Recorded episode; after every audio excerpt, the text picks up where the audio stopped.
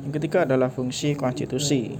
Menurut Profesor Jimli Asidiki, konstitusi memiliki fungsi di antaranya fungsi penentu dan pembatas kekuasaan organ negara, fungsi pengatur hubungan kekuasaan antar organ negara, fungsi pengatur hubungan kekuasaan antar organ negara dengan warga negara, fungsi pemberi atau sumber legitimasi terhadap kekuasaan negara ataupun kegiatan penyelenggaraan kekuasaan negara, fungsi simbolik dengan pemersatu atau symbol of unity sebagai rujukan identitas dan keagungan kebangsaan atau identity of nation, serta sebagai center of ceremony g. sarana pengendalian masyarakat, baik dalam arti sempit hanya di bidang politik maupun dalam arti luas mencakup bidang sosial dan ekonomi sebagai sarana perekayasa dan pembaharuan masyarakat.